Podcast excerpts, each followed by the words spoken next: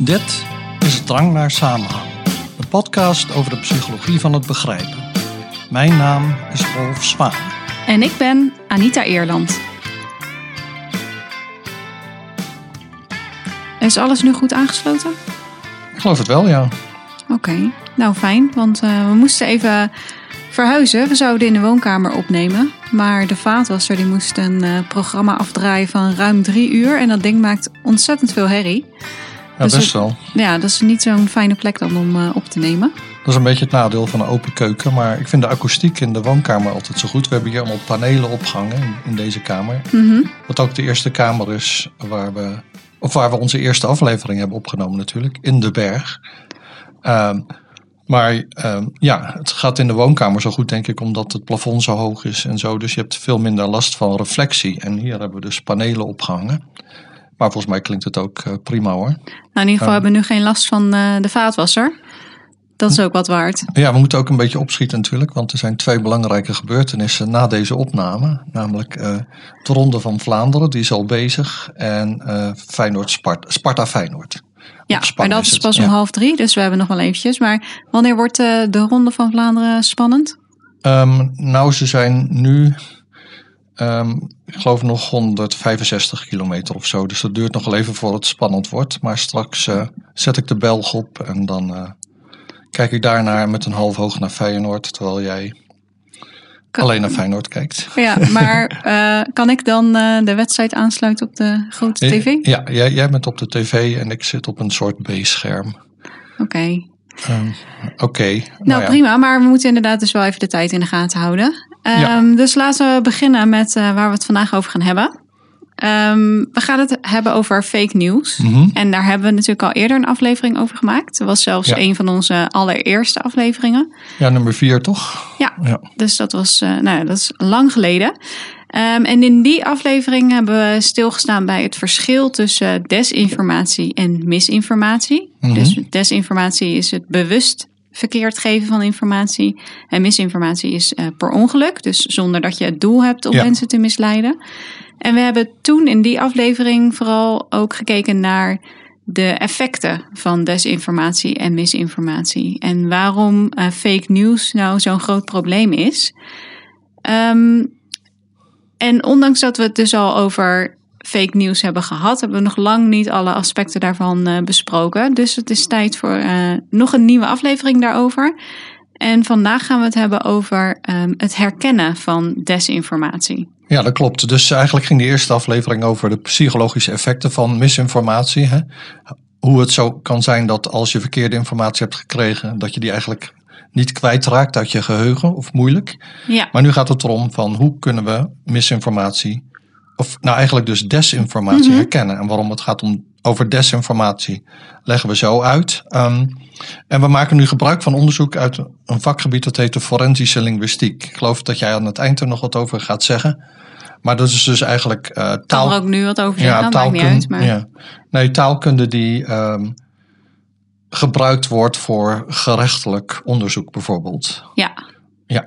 En uh, nou ja, dan is het niet zomaar taalkunde, laten we zeggen, een of andere stoffige taalkundige. Oeps. Sorry, taalkundige. die in zijn kantoortje zinnetjes zit te onderstrepen of zo. Het gaat om onderzoek met, met computers naar hele grote lappen tekst. Ja, en, om te uh, kijken of je bepaalde patronen kunt vinden of verschillen tussen bepaalde teksten. Ja. Eigenlijk of je dus op, op, ja, op taalniveau een bepaald onderscheid kunt maken. Ja, dat klopt. En uh, ja, kijk, als je dat soort onderzoek doet, dan moet je rekening houden met een aantal dingen. Want um, taalgebruik verschilt natuurlijk naar gelang um, bijvoorbeeld uh, het officieel is of niet. Mm-hmm. Ja, dat heet dan regi register.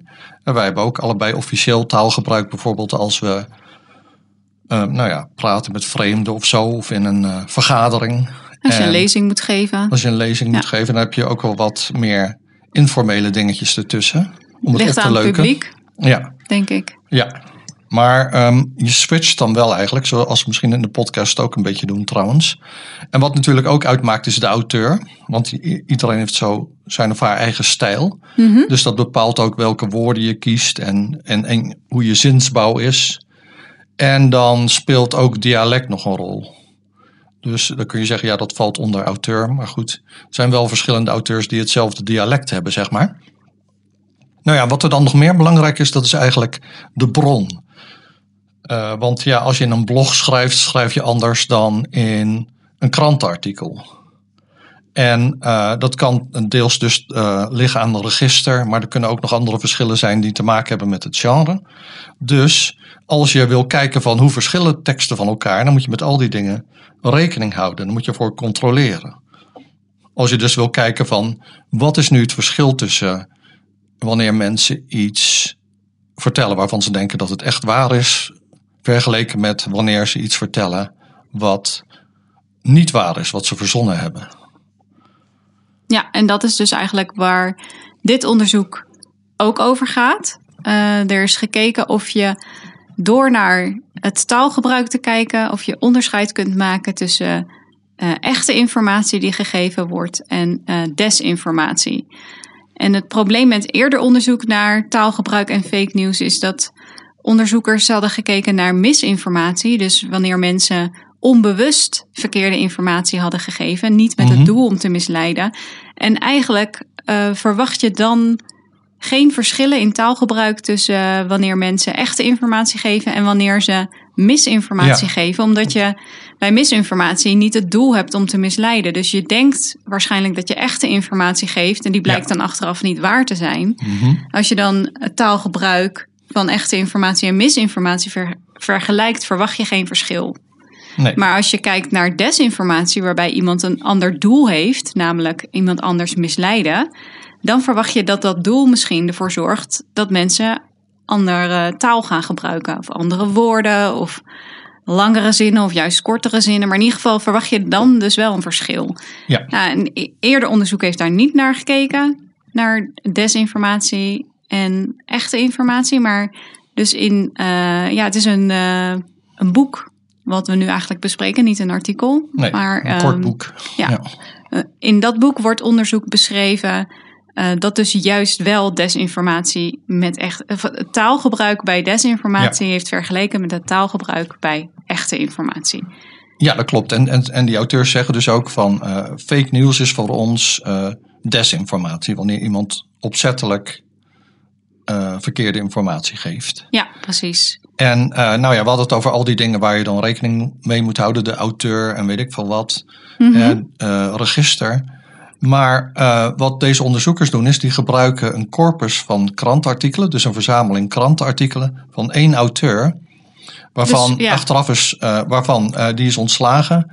En omdat die dus desinformatie verspreidde. En achteraf is vastgesteld welke berichten van hem waar waren en welke niet. Dus die kun je met elkaar vergelijken. En dan heb je dezelfde auteur met hetzelfde register, hetzelfde dialect en hij schreef ook in voor hetzelfde medium, namelijk de New York Times. Ja, dus al die factoren die je eerder noemde, die kun je daarmee constant houden. Dus als je dan verschillen vindt in taalgebruik, dan is het heel aannemelijk om te zeggen dat komt omdat het in het ene geval gaat om echte informatie. En die, die journalist wist ook dat hij echte informatie gaf. En in het andere geval heeft hij mensen opzettelijk misleid. Ja. Uh, en ja, dus dan eigenlijk het doel van van de journalist heeft dan invloed op het taalgebruik. Als je verschillen vindt. Ja, ja. klopt. Dat vind ik eigenlijk wel echt heel mooi. Ja, precies. Nou ja, die journalist waar het om gaat uh, van de New York Times, dat was Jason Blair. En mhm. die werkte iets van uh, vier jaar, geloof ik, voor de New York Times. En er waren eigenlijk al vrij, vrij snel vragen over de accuratesse van zijn berichten. Hmm. Uh, dus er was al iemand die vrij snel zei: er klopt van alles niet. We moeten bij hem veel meer corrigeren dan bij anderen. Maar hem werd de hand boven het hoofd gehouden. En achteraf werd er gezegd: ja, dat komt omdat hij African American was. Dus positieve discriminatie. Maar anderen zeggen: nee, dat speelt helemaal geen rol. Uh, het was gewoon dat hij.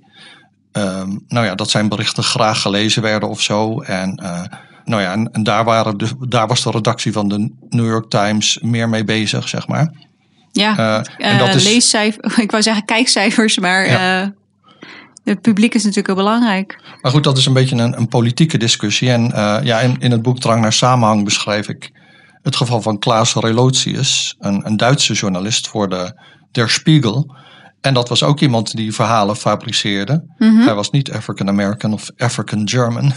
Maar uh, hem werd ook de hand boven het hoofd gehouden omdat hij prijzen won. En uh, mensen lazen zijn artikelen graag. En in dat hoofdstuk beschrijf ik hoe Relotius een uh, loopje nam met de werkelijkheid. En eigenlijk verhalen verzon waarvan hij dacht dat de lezers ze graag zouden lezen. In plaats van dat hij dus echt rapporteerde wat er aan de hand was.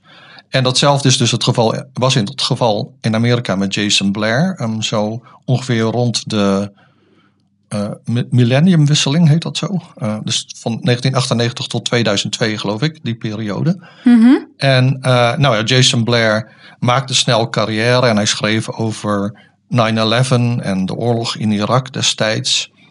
En hij schreef ook artikelen over een sluipschutter schutter in Washington DC. Dat was destijds een geval. En ik herinner me dat ik in Washington DC was bij de National Science Foundation om onderzoeksvoorstellen. En dus onderzoekers schrijven voorstellen en willen daar geld voor hebben. En wij waren met een groep van twaalf mensen. Wij moesten iets van 110 voorstellen beoordelen. Mhm. Mm -hmm. En, en al, alleen maar tien of zo kregen geld, zouden geld krijgen. Dus wij hadden de hele dag vergaderd en de dag daarvoor geloof ik ook al. Oh, van acht uur s ochtends tot half zeven s avonds. Altijd een leuke taak, ja. Ja, ik moet wel zeggen, op een bepaald moment dacht ik, laten we gewoon al die mensen het geld geven en, en een biertje gaan drinken. Maar ja, dat kon natuurlijk niet. Dus wij nou zaten.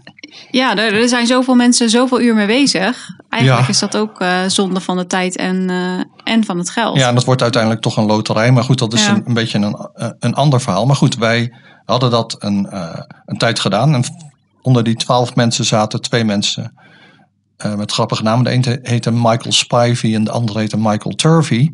En met hun en met nog een paar anderen gingen we daarna naar een café en uh, hadden we uh, nou ja, shepherd's pie gegeten en veel bier gedronken. En toen gingen we dus pool spelen. En daarna herinner ik me dat ik met Spivey terugliep naar ons hotel en dat we allebei een beetje over straat liepen te zwalken in Washington DC. Maar er was dus verder helemaal niemand op straat. Het was heel erg stil. En zelfs in onze benevelde toestand hadden we dat door. Je had Nou geen ja. idee waarom. Nee, en toen later lazen we dus over die, die sluipschutter. Ja. Die, uh, ja, en uh, Jason Blair schreef dus over die sluipschutter, maar hij schreef erover op een manier die uh, ook weer dan weer niet accuraat was en zo. En ook over 9-11 schreef hij dingen die, waar fouten in stonden. En dus een editor, een redacteur kreeg argwaan. En toen zag ineens een, een, jonge reporter van een andere krant dat uh, Blair een artikel van haar had geplagieerd. Uh, maar toen uh, ging, wilde de New York Times dat onderzoeken. En de concurrent Washington Post bracht toen al het verhaal naar buiten dat er iets niet in de haak was. En Jason Blair nam toen ontslag. Ja. Nou ja, en toen bleek dus dat hij al die verhalen had verzonnen, net zoals Relotius. En, uh, maar dat maakt hem dus interessant voor zo'n forensisch-linguïstische studie. Ja, klopt. Um, ze hebben wel, wel uh, onderzoek nog naar hem gedaan, dus ook al had hij uh, ontslag genomen. En in dat onderzoek hebben ze, geloof ik, 73 van zijn artikelen. Uh, had er iets van 600 in totaal geschreven, ja. maar ze hebben dus 73 van zijn artikelen onderzocht. Zeg maar in dat juridische onderzoek. Mm -hmm. Niet in het onderzoek wat in het boek staat. Uh, en van die 73 bleek dus de helft zo ongeveer gefabriceerd te zijn. Dus hij had, uh, nou ja, de helft van zijn artikelen waren, bestonden uit desinformatie. Nu zijn niet al die 73 artikelen die in dat strafrechtelijke onderzoek uh, zijn bekeken, zijn meegenomen in die taalkundige analyse. maar wel bijna allemaal. Dus ze hebben de onderzoekers die hebben gekeken naar het taalgebruik. -hmm. Die hebben 64 artikelen nader onderzocht. En daarvan bleken uh, 28 artikelen echt te gaan, dus de echte informatie uh, te bevatten, en uh, 36 artikelen desinformatie. Dus ja. uh, een redelijk nette verdeling, ook ongeveer, nou ja, niet helemaal 50% natuurlijk. En dan maar heb je wel, wel een heel mooi natuurlijk experiment. Dus je Ja. hebt alles constant. De auteur, uh, dialect, het register, het Mhm. medium.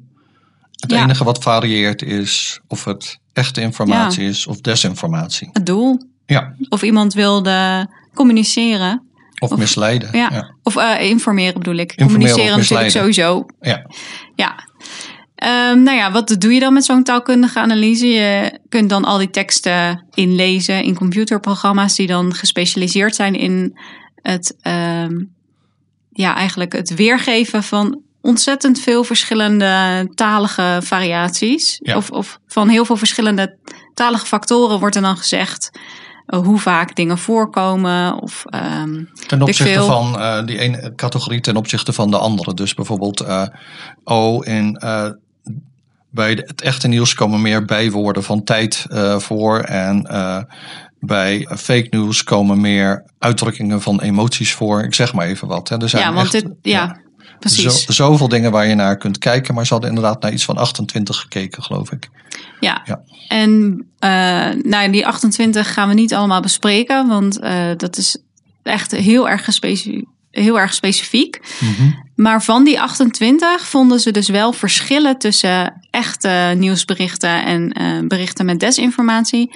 In 23 van, die, van de gevallen. Dus 23 van die 28 factoren lieten verschillen zien tussen die twee soorten teksten.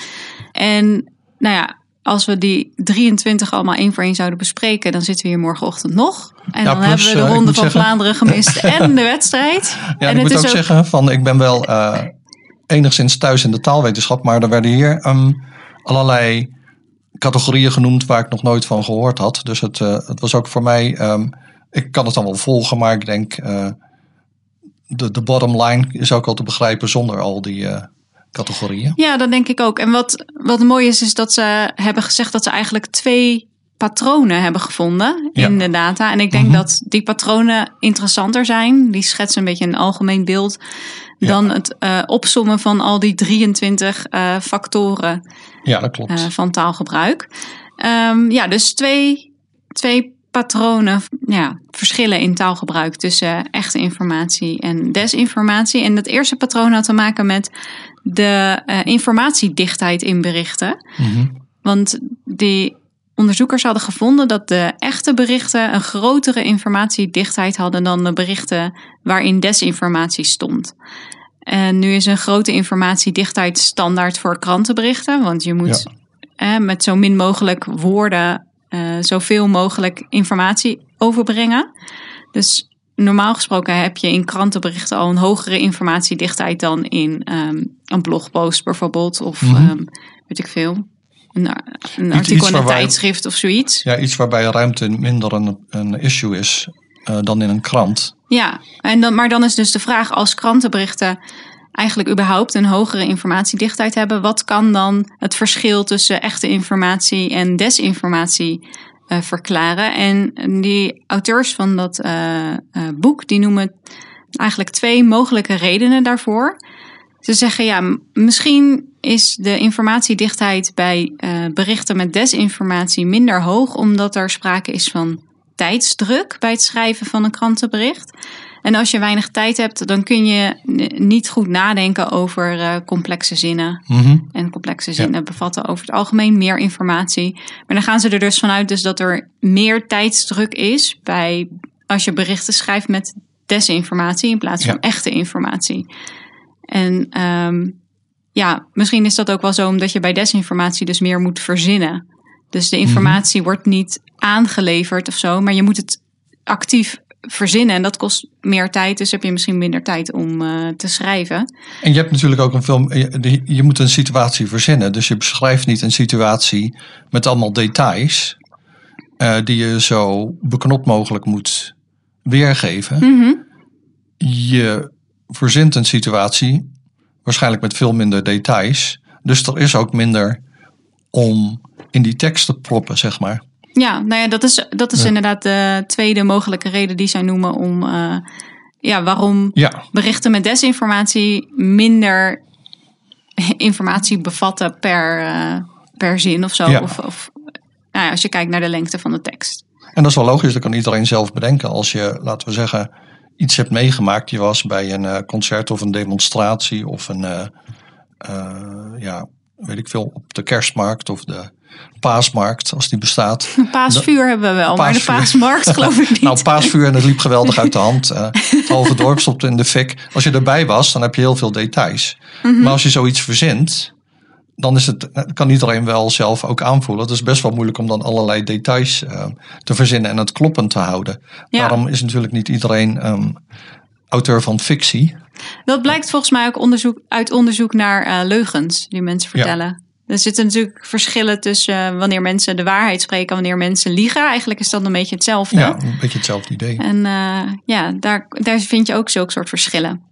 Ja, dus, dus dat was dan die ene dimensie die jij noemde, van, uh, of dat ene patroon. Ja, klopt. De informatiedichtheid. En het tweede was dat, dat fake nieuws geschreven was in een stijl die minder zelfverzekerd was. Minder uh, van zichzelf overtuigd, zeg maar. Ja. Dus je kon dan aan het taalgebruik zien van hier wil de auteur zich niet helemaal vastleggen of hier twijfelt hij een beetje. En bijvoorbeeld uh, als iemand aangehaald wordt in een nieuwsartikel, dan is het altijd verleden tijd. Zoiets van, uh, uh, nou, uh, de opkomst van de boeren- en burgerpartij is wel een probleem. Uh, zei Rutte of zoiets. Mm -hmm. en, Ik kan me voorstellen dat hij dat gezegd heeft, ja. ja. Niet alleen Rutte waarschijnlijk. Maar je kan ook de tegenwoordige tijd ge gebruiken. En dan verplaats je de lezer eigenlijk iets meer naar in het verhaal. Hè? Zoiets van. Uh, het was een drama voor mijn familie, zegt mevrouw zo en zo. Mm -hmm. Ja, dus en, je gebruikt zegt in plaats van zij. Ja, ja dus en, en je gebruikt meestal in krantenartikelen een quote of een citaat, omdat je dan. Dan heb je het zelf niet gezegd. En je laat ja. iemand anders dat zeggen. Ja. En als je zei, zegt hij zei het, dan geeft dat aan van dat is echt gebeurd of dat suggereer je. En als je zegt van dit en dat zegt iemand, dan is dat iets minder duidelijk. Dat is iets minder zeker. Want dan, uh, dan ben je zelf nog in de situatie hè, als verslaggever. Op dit moment hoor je dat en dan heb je het niet later nog een keer gecheckt of zo. Je zit midden in de situatie. Dat is in ieder geval zo'n zo beetje het idee. Dus als je afwijkt van de standaard uh, verleden tijd, mm -hmm. dan valt dat dus op. En dat gebeurt dus vooral bij uh, citaten. Of ze nu echt echte citaten zijn of niet. En Blair had onbewust meer de tegenwoordige tijd gebruikt in zijn fake news. Waar de onderzoekers dus uit afleiden van. Hij heeft uh, meer afstand genomen daar of meer twijfel. Uh, drukt hij daarmee uit. En uh, dat is dus ook een kenmerk dan van fake news. Het is wel echt super interessant, want je wil bewust mensen misleiden. Ja. Je bent een journalist, dus je, het is niet voor het eerst dat je een stuk schrijft. En dat er dan onbewust zulke subtiele verschillen in jouw taalgebruik sluipen. Ja, ja dat vind ik echt uh, wel boeiend. En het is natuurlijk wel zo um, dat je die als onderzoeker, die subtiele verschillen, er alleen uit kan halen als je heel veel verschillende teksten van die persoon hebt. En die Jason Blair, die, die schreef veel meer ook dan andere journalisten, want hij had in die vier jaar 600 artikelen gepubliceerd. Nou, dat, uh, dat is nogal ja, wat. Dat is, veel, ja. 150 per jaar. En dat is dus uh, drie per week zo ongeveer. Ja, ik weet eigenlijk niet hoeveel artikelen een. Oh nee. bol uh, weer. artikelen een uh, journalist eigenlijk moet schrijven. Maar het lijkt mij best wel veel. Nou, vergeleken met anderen was dat dus heel veel, inderdaad. Ja. ja. En uh, nou goed, maar er werd dus dan gevonden van je, hè, dat je die, die patronen ziet. En ja, dan, van de informatiedichtheid en ja, hoe overtuigend de stijl was. Ja, en dan zeggen die onderzoekers, ja, dat, uh, dat hebben wij nu wel ontdekt, maar de redactie van de New York Times had het mooi niet ontdekt. Of althans, sommigen hadden het wel ontdekt, maar die werden niet serieus genomen. Net zoals eigenlijk bij Der Spiegel en Re Relotius, dat hoofdstuk in het boek, in een drang naar samenhang. Nou ja, dat, dat betekent ook, zeggen dan die onderzoekers, dat je niet op nieuws de nieuwsmedia kunt vertrouwen. En ja, de, de New York Times meer mainst, mainstream dan de New York Times kun je niet hebben. Althans, tenzij je dus heel conservatief bent, dan vind je de New York Times helemaal niet mainstream. Maar goed, die, deze onderzoekers zeggen, ja, er is dus veel meer onderzoek eigenlijk nodig naar de waarheidsgetrouwheid van rapportages. En dat kun je dus doen met dit forensisch linguistisch onderzoek. Mm -hmm. Zodat je de media ter verantwoording kunt roepen. Want je kunt er niet op vertrouwen dat zij zelf het probleem van fake news gaan oplossen. Want zij zijn toch ook. Um, ze hebben allemaal verschillende belangen. Dus uh, bijvoorbeeld iemand die. Nou ja, misschien heeft affirmative action er wel iets mee te maken. Misschien niet in het geval van Blair. Maar in ieder geval. Wat er wel mee te maken heeft bij hem of had. En bij Relotius is, uh, uh, je wilt niet de kip met die de hoe heet het? De kip die de gouden eieren legt, wil je niet slachten.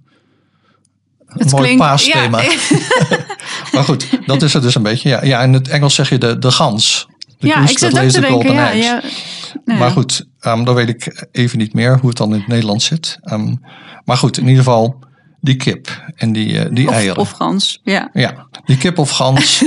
daarvan wil je de eieren die van goud zijn het liefst nog bewaren. Ja. Dus is er dan onafhankelijk wetenschappelijk onderzoek nodig om... Uh, nou ja, dus analyses te doen van, van teksten. Misschien teksten terwijl ze geschreven worden. Als je eenmaal zo'n zo'n computerprogramma hebt, dan kun je dat loslaten op elke nieuwe editie van een krant, zeg maar. En zo zou je dus dan bericht op het spoor kunnen komen waarin de auteur die dus fake news produceert zich onbewust blootgeeft.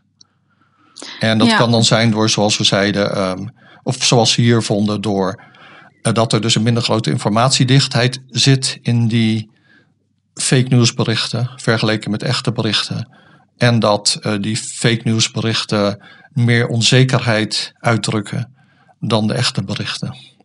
Ja, dan moet je natuurlijk wel dan berichten met elkaar vergelijken van dezelfde uh, auteur en uit hetzelfde genre. Zodat je die factoren waar we het helemaal aan het begin over hadden, ja. dat je die dan wel constant houdt. Je kunt natuurlijk niet een krant inlezen in zo'n programma, of alle berichten uit een krant inlezen niet. in zo'n programma. En dan nee. uh, op basis daarvan zeggen: Oh ja, dit bericht wijkt af. Maar misschien heeft dat dan met de stijl van de journalist te maken. Ja. Het moet ook geen heksenjacht worden, natuurlijk. Nee.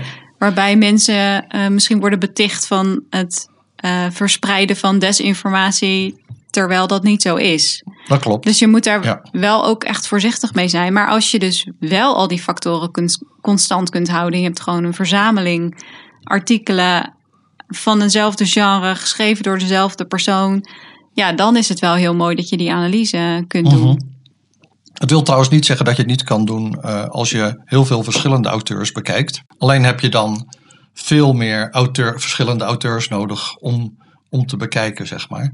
Dat heeft gewoon te maken met uh, ja, ja, hoe je, je een experiment je opzet. moet gewoon ja. veel groter zijn, zodat de verschillen tussen journalisten uiteindelijk geen rol meer spelen. Nee, dat klopt. Okay, nu is het eigenlijk een case study. Dat is één geval, Jason Blair. Ze zouden hetzelfde kunnen doen met Relotius, al zullen deze onderzoekers geen Duits spreken, maar uh, dat zou dan wel een interessante vergelijking zijn. Vind je bij hem ditzelfde patroon? Ja. En dan ben je natuurlijk iets op het spoor dat, uh, dat meer zegt dan alleen iets over het gedrag van Jason Blair. Want nu neem je aan van Jason Blair staat voor alle journalisten die fake news schrijven.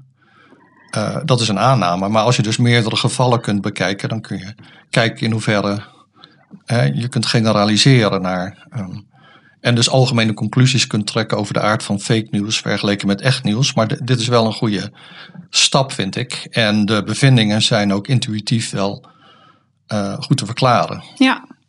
Dus uh, goed bezig forensische linguïstiek.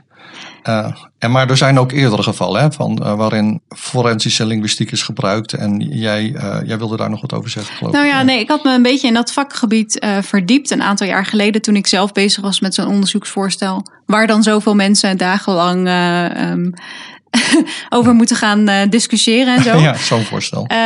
en ja, toen, want ik, ik wist eigenlijk niet van het bestaan van dat vakgebied. Maar toen had ik daarover gelezen dat, die, dat die mensen zich bijvoorbeeld ook bezighouden met het uh, analyseren van berichten die een, een, een, dader bijvoorbeeld achterlaat of zo. En dat je dan kunt kijken of verschillende berichten, door, door te kijken naar taalgebruik, of die dan van eenzelfde persoon afkomstig zijn. En dat deed me ook denken aan een uh, documentaire die wij een aantal jaar geleden volgens mij hebben gekeken. Die mm -hmm. staat op een of tenminste, die stond toen op Netflix. Ik weet niet of dat nog steeds zo is. Dat was uh, Manhunt Unabomber. En mm -hmm. dat ging over uh, de opsporing door de FBI van een man die in de Verenigde Staten uh, eind jaren zeventig verschillende bombrieven verstuurde. En er zijn verschillende doden en gewonden bijgevallen. En het heeft heel lang geduurd voordat de dader uh, is opgepakt. Maar uiteindelijk heeft dus forensische linguïstiek ertoe geleid uh, of die heeft, die heeft uiteindelijk naar de dader geleid. Ze hadden die uh, bombrieven die uh, geschreven waren door de dader en verstuurd waren. Maar ze hadden ook die dader had namelijk aan het begin een manifest opgestuurd. En Ja. hij wilde dat dat manif- manifest in de krant gepubliceerd zou worden. Mhm. Nou ja, dat gebeurde niet, maar de politie had dat manifest wel. En uiteindelijk, toen ze een beetje een idee hadden in welke richting ze moesten zochten, zo- zoeken en ze hadden een eh, verdachte op het oog, toen hadden ze via de broer van de verdachte brieven van de dader die die, die vroeger aan zijn broer had gestuurd. En Mhm. toen hebben dus forensisch linguisten eh, het taalgebruik in dat manifest vergeleken met het taalgebruik in die brieven die iemand, die die persoon dus eerder had gestuurd. En op die Ja. manier konden ze ehm, ja, met redelijke zekerheid zeggen dat het manifest door dezelfde persoon was geschreven eh, als die brieven. Ja. En zo is uiteindelijk dus de dader eh, opgepakt. Dat vond ik echt fascinerend. Kaczynski Ja, heet hij, ja. ja, Ja, dat klopt. Ik ik woonde toen in- Amerika, dus ik herinner me nog dat hij gearresteerd werd. En toen jij zei van eind jaren zeventig, toen dacht ik, toen zat ik gewoon nog op school in Nederland. Dus, ja, maar eh, zo lang heeft dat ja, dus zo lang geduurd. heeft dat geduurd. Ik, in mijn hoofd was dat allemaal begin jaren negentig, maar dat is dus niet zo. Nee, maar Ja. dat is toch mooi dat de wetenschap dan zo kan helpen bij het oppakken van, eh, van een dader. Ja, inderdaad. Nou ja, en dat geeft ook aan hoe belangrijk dan dat soort analyses van, van taal zijn. Dat je ehm, eigenlijk veel meer van jezelf blootgeeft in taal dan je misschien zou denken. Mhm. Dat is natuurlijk sowieso al zo. Hè, als je met mensen praat. Ik sprak hier vorige week op de bergen een mevrouw eh, in, in Oostenrijk. En ik hoorde meteen dat ze Duits was. En ehm, toen hoorde ik ook nog, maar ze zei wel een wissel. En dat zeggen mensen uit Beieren. Dus ik zei van, oh, u komt uit Beieren. En het was helemaal verbaasd dat ik dat hoorde. Maar ik bedoel, je geeft best wel veel informatie eigenlijk. In Ja, je hoe je dingen uitspreekt ja. en ook welke woorden je gebruikt en zo. Mhm. Hoe, bijvoorbeeld, daar kun je dingen uit aflezen over iemands opleiding. Welke woorden ze gebruiken. ehm, hoe complex de zinnen zijn. Misschien over de intelligentie van een persoon. En zo zijn er allerlei dingen die je kunt afleiden uit het taalgebruik over ehm, nou ja, de achtergrond van iemand of de bedoelingen van iemand. En hier ging het dus duidelijk over de bedoelingen Mhm. bij eh, Jason Blair. En bij de Unabomber, eh, Ted Kaczynski, ging het over de identiteit van de persoon. Ja, En eh, nou ja, als afsluiter kunnen we zeggen dan dat taal heel belangrijk is. Ja. En dan ga ik zo even luisteren naar de Vlaamse oh, dat vind ik echt een lekkere taal om naar te luisteren. Ja, vooral met wielrennen. Ik, eh, het is tien keer zo leuk als je de Ronde van Vlaanderen beluistert of en bekijkt op de Vlaamse tv. Zouden ze ook Feyenoord uitzenden met een Vlaamse commentator? Eh, Dat lijkt wel hoeft, leuk. dat hoeft dan van mij weer niet. Een Rotterdamse accent is dan ook prima. Oh ja, nog even over dat eh, boek dat we dan eh, nu besproken hebben. Mhm. Dat is eh, voor iedereen toegankelijk. Dat is open access. Dus de link staat in de show notes. En als je erop klikt, dan kun je dat hele boek lezen. Nou, mooi. 86 pagina's. Hebben we mensen wat te doen? Ja. ik. Nog even een kleine epiloog. Het is nu een aantal uren later. De Ronde van Vlaanderen is afgelopen en ik heb geluisterd naar het eh, Vlaamse commentaar. En het stelde weer niet teleur. Want één uitdrukking die ik daar geleerd heb over de futiliteit van het als-dan denken gaat als volgt. Had mijn tante wieltjes gehad, dan was het een karretje geweest en kon je ermee winkelen. Nou weet ik niet of dat echt Vlaams is, of dat het dialect is, of dat het idiolect is, dus specifiek voor deze commentator. Maar eh, ik weet dat we luisteraars in Vlaanderen hebben. Dus mocht je weten waar deze uitdrukking vandaan komt, eh, laat het ons dan even weten. Je kunt ons bereiken via drangkast.gmail.com. Dus drang, D-R-A-N-G, C-A-S-T, at gmail.com. Alvast bedankt.